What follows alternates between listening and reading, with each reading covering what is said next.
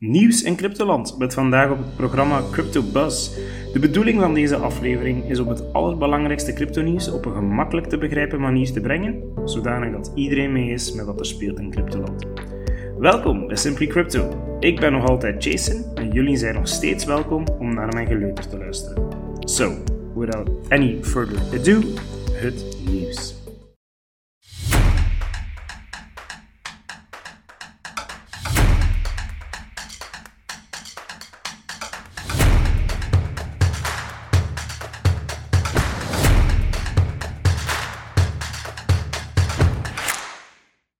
De eerste kop van vandaag is dat Binance wordt verplicht om te stoppen in België en Nederland.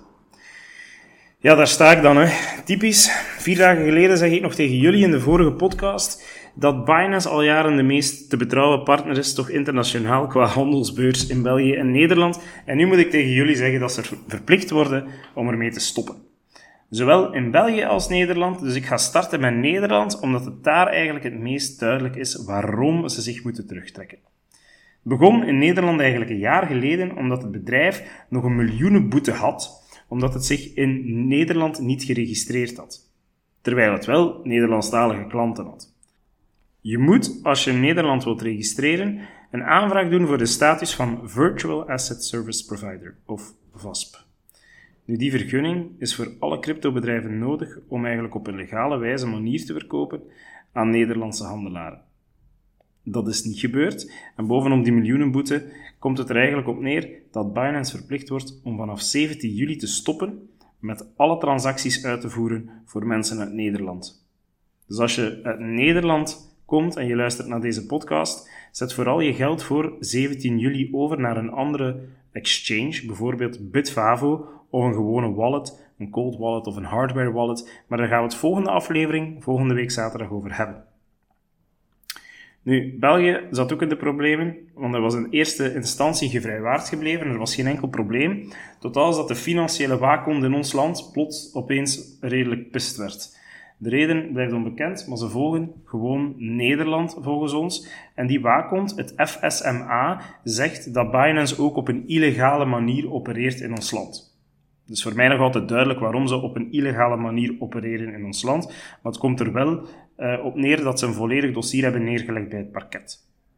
Het bedrijf heeft daarop heel negatief gereageerd, hebben gezegd dat ze het heel jammer vonden, Binance dus, dat er op die manier gereageerd wordt. Een officieel communiqué is er nog niet, maar vanuit het FSMA wordt er wel effectief overgedragen dat Binance onmiddellijk, met onmiddellijke ingang, moet stoppen met alle um, aanbiedingen die ze in België hebben, uh, te blijven doorvoeren naar klanten.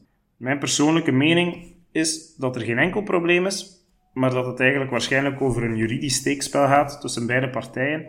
En het probleem is dus ook dat we gedwongen worden om zo snel mogelijk onze fondsen ook over te zetten. Nu, Binance heeft officieel nog niet gereageerd dat ze effectief gaan stoppen in België.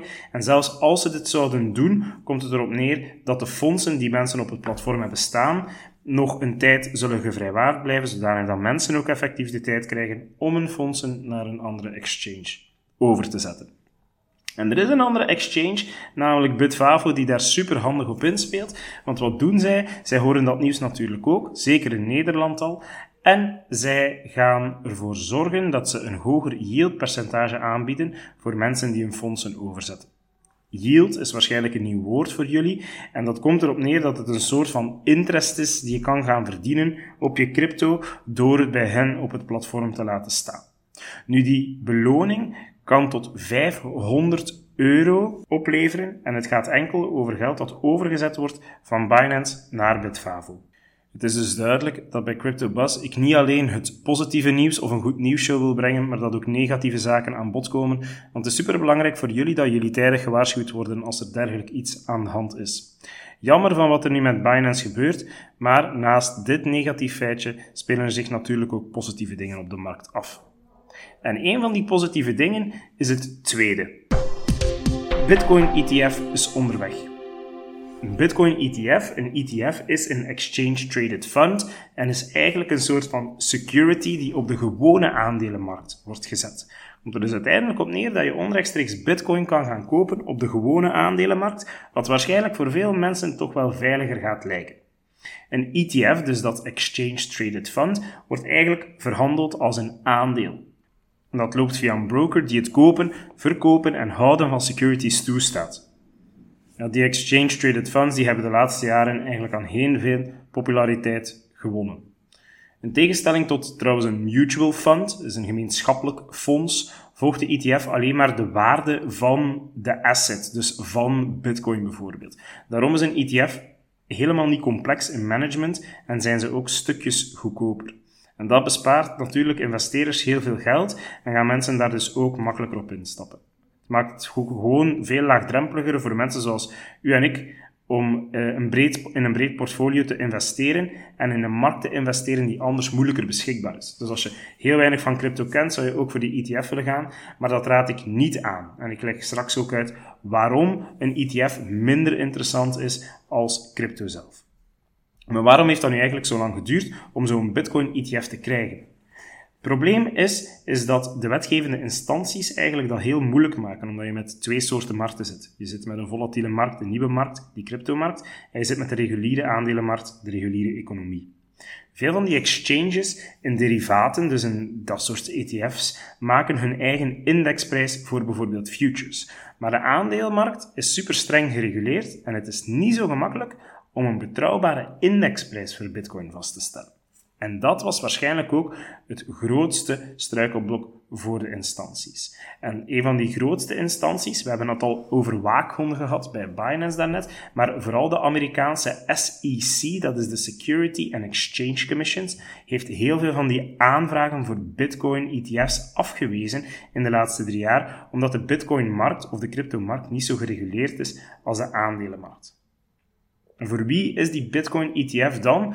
Ja, het, is, het gaat sowieso een zwaar gereguleerd product worden. En het is de bedoeling dat het vooral voor institutionele investeerders is die graag willen investeren in Bitcoin en ook in de prijsontwikkeling zonder het zelf te kopen voor de middellange of lange termijn.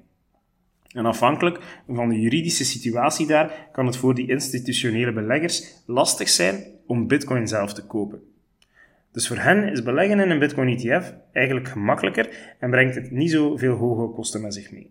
En het heeft ook eigenlijk veel nadelen, afhankelijk van de voorwaarden van die specifieke ETF. Maar waarom is het nu interessant om gewoon voor Bitcoin te gaan op de gewone markt en eigenlijk niet voor die ETF? Ja, we hebben het over een broker gehad en een reguliere economie, dan kan je nog altijd met een struikelblok zitten met je broker. Bij Bitcoin, als je gewoon Bitcoin gaat aankopen, heb je het grote voordeel dat je je eigen geld in handen hebt. Dat is heel het systeem van die decentralisatie en het gehele systeem van jouw eigen geld in handen hebben. Dat is nog altijd stukken veiliger als het via een ETF te gaan doen. Anderzijds is het nooit een slecht idee om je portfolio vooral evenwichtig te maken.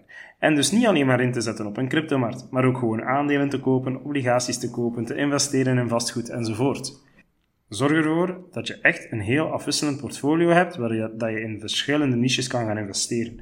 Daarvoor is een Bitcoin ETF wel interessant natuurlijk. Dan heb je zowel op de gewone reguliere aandelenmarkt een investering staan in de cryptomarkt, als dat je effectief rechtstreeks Bitcoin zou kunnen gaan aankopen. Het is dus wat je persoonlijk wenst. Mijn persoonlijke voorkeur, geen financieel advies. Mijn persoonlijke voorkeur is Bitcoin kopen op de normale manier, rechtstreeks in mijn handen, zodanig dat ik het eigendomsrecht heb en zodanig dat mijn geld van mij is, rechtstreeks op de cryptomarkt dus. Het derde nieuwsje van vandaag is dat ChatGPT gaat samenwerken met Hedera, een cryptoproject. Voor de kenners onder ons is het geen geheim dat Hedera, HBAR, een sterk opkomende cryptomunt heeft. De blockchain specialiseert zich vooral op business-to-business business en werkt nu ook samen met ChatGPT. Dat is het befaamde AI-programma dat je alles vertelt wat je wil weten. Dat ken je wel, is al heel vaak in het nieuws geweest de laatste maanden, ook regulier nieuws. ChatGPT was een aantal maanden geleden schering en inslag, maar mensen die al langer in die crypto scene zitten weten dat dat eigenlijk pas het topje van een grote ijsberg is binnen de wereld die AI heet. En die artificiële intelligentie is sowieso al een supersnel opkomende niche ook binnen de cryptowereld. Maar de samenwerking met Hedera is eigenlijk toch wel impressionant. Waarom? Omdat ze gebruik maken van de gedecentraliseerde kenmerken van blockchain-netwerken. Um, op die manier kan ChatGPT veilig interacties tot stand brengen met dat bepaald netwerk door toegang te krijgen tot zijn tools, zoals de Hedera Consensus Service, de token van Hedera en de smart contract service. Dat betekent eigenlijk dat ChatGPT op termijn smart contracts kan gaan uitvoeren door de Hedera blockchain te gaan gebruiken. Nu, op Twitter gaf uh, een van de ontwikkelaars, Ed Marquez is dat, instructies voor het maken van die specifieke plugin met nadruk op hoeveel geld, hoeveel agebar je hebt op die Hedera-accounts. Volgens Marquez kunnen die gebruikers die bekijken via een netwerkverkenner of ze programmatisch gaan ophalen. En dat heeft heel veel voordelen. Nu, accounts in Hedera in AgeBar worden opgeslaan in de blockchain, dus dat wil zeggen dat boekhoudkundig programma, waarin dat staat wie wat doet, wie welke tokens bevat. En, ehm, en daar staat ook in of je vervangbare tokens hebt, niet vervangbare tokens, dat zijn wat wij noemen non-fungible tokens, die op Hedera zijn gemaakt. Allemaal heel interessante informatie voor iemand die veel van crypto weet. Maar voor de niet-crypto-kenner is het feit dat die samenwerking er komt misschien een interessante reden om op termijn te investeren in HBAR. Of Hedera noemt het. Al is dit een uitsluitend persoonlijke mening natuurlijk en is het geen financieel advies dat ik hierover geef. Nu, voordat we gaan kijken naar de huidige marktprijzen, wat het laatste deel van deze crypto nieuws update is, nog een aantal, en zijn er een drietal koppen binnen de cryptowereld. De eerste. Amazon gaat 100 miljoen investeren in AI om op die manier te concurreren met Apple en Google. De tweede is dat de Secret Service in Amerika zijn eigen NFT-lijn uitgebracht heeft. Non-fungible tokens kunnen afbeeldingen zijn met eigendomsrecht, al zijn deze nog niet te koop of gewoon niet te koop. En een derde kop is al een ouder nieuwtje, maar Gary Gensler, de man die de cryptowereld haat, en die tegelijkertijd ook de waakhond is van de SEC, die Amerikaanse Security and Exchange Commission, heeft verschillende cryptomunten aangeklaagd, maar kan um, tijdens de hoorzitting voor het Amerikaanse Huis van Afgevaardigden geen duidelijke motivatie geven waarom. Hij kon op geen enkele vraag antwoorden, nog bewijzen voorleggen. Dit is niet om een negatief nieuws in de cryptowereld goed te praten, maar wel zuivere realiteit, wat eigenlijk bewijst dat er vooral um, gaat over het bashen op cryptomunten om de markt op die manier minder interessant te maken en de traditionele Amerikaanse bankenwereld uh, overeind te houden. Als laatste nieuwsfeit, zoals ik daar straks zei, probeer ik nog een marktoverzicht te geven en ik start bij de algemene trend van de markt en ik bekijk hierbij een aantal munten van dichtbij. Ja, de laatste weken zijn vrij volatiel geweest. Door de onterechte rechtszaken, zoals eerder aangegeven was er eigenlijk geen bewijs, die Gary Gensler probeerde aan te spannen tegen verschillende cryptoprojecten, werd er angst gecreëerd in de cryptomarkt. Mensen dachten dat zaken effectief gingen doorgaan. Er zijn gigantische prijsdalingen geweest um, in de gehele markt. En dat kon eigenlijk variëren van een daling van 5% tot maar liefst 15% en meer voor sommige projecten die effectief bij naam werden genoemd. Aan de andere kant is dat dan ook weer positief, want dat stimuleerde heel veel investeerders om opnieuw in te kopen, omdat de cryptomunten van uitstekende lange termijnsprojecten zo goedkoop stonden. Is ook iets dat ik persoonlijk gedaan heb.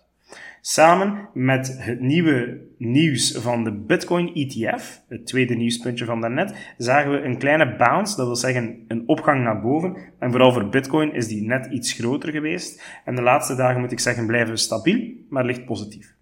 Een aantal voorbeelden en ik ga veel cryptomunten noemen, maar ik leg straks nog uit waarom ik ze noem natuurlijk. Bitcoin is gestegen van 25.000 euro naar 27.700 euro na de aankondiging van de ETF, maar het heeft ook een dipje gekend op 23.000 euro door de aanklachten van Gary Gensler. Ethereum, de grootste altcoin, blijft stabiel op 1700 euro per munt, nadat het ook de dip door Gensler kende richting 1400 euro. Cardano, een van mijn favoriete munten, die ook door Kensler um, onterecht vernoemd werd in een mogelijke rechtszaak, zakte van 34 cent naar 23 cent per munt, dat is heel wat, en kende dan wel een bounceback naar 6 of 27 cent, waar het nu stabiel blijft. Geen financieel advies, maar prijskwaliteit wel zeer interessant. Ripple is over de gehele maand erg stabiel gebleken, eigenlijk niet gezakt, niet gedaald. En dat is het project dat als allereerste werd aangeklaagd twee jaar geleden door de SEC. Maar Ripple staat op het punt om de rechtszaak te winnen. Opnieuw onvoldoende bewijs dat er iets slecht gebeurd is. Opnieuw een uh, voorbeeld van de SEC die maar al te graag kwaliteitsmunten uh, plaagt of pest uit schrik voor hun eigen bankenwereld. Daarnaast noem ik graag nog heel wat andere munten op. Munten die het goed of minder goed gedaan hebben. En we beginnen met twee memecoins, Shiba Inu en Pepe. Dat wil zeggen, memecoins, dat ze geen real-life nut hebben, maar dat ze munten zijn die gecreëerd zijn als een soort van community, fan token, uh, noem het een soort van fanpage ten opzichte van iets of iemand. Die deden het best goed. Vraag me niet waarom je daar zou in moeten investeren, want ik weet het antwoord niet. Ik zie er het nut ook niet van in, maar heel veel mensen doen het voor de fun. Matic en Hedera, dat heb ik eerder al aangehaald met een partnership van ChatGPT, en Algorand zijn op- en top kwaliteitsprojecten die de laatste maanden wat klappen kregen, maar nu on the road to recovery zijn, dus ook interessant. Ook Polkadot zag in de afgelopen weken een stijging van 12%. VeChain en Immutable X zagen stijgingen tot 19%. 16% stijging was er dan weer voor Torchain, Optimism, Phantom, Arbitum, Ethereum Classic, noem maar op. Maar de supergrote winnaar van deze week is toch wel Bitcoin Cash. Die heeft namelijk een stijging van maar liefst 103% gehad. Die schoot de lucht in nadat het op een crypto exchange werd gelanceerd, waar heel veel financiële zwaargewichten op zitten. Ik weet het, waarschijnlijk veel te veel info over veel te veel munten en veel te veel prijzen. Waarschijnlijk heb je zoiets van, ja, maar ja, ik volg niet meer. Zoveel projecten met elk een eigen doel. Maar de bedoeling is om op termijn hier op deze podcast, via Spotlight, een onderdeel van onze afleveringen, um, meer en meer projecten te gaan uitleggen. Het is de bedoeling dat je telkens dieper gaat inkijken op een project en de top 100 zal op termijn zeker behandeld worden.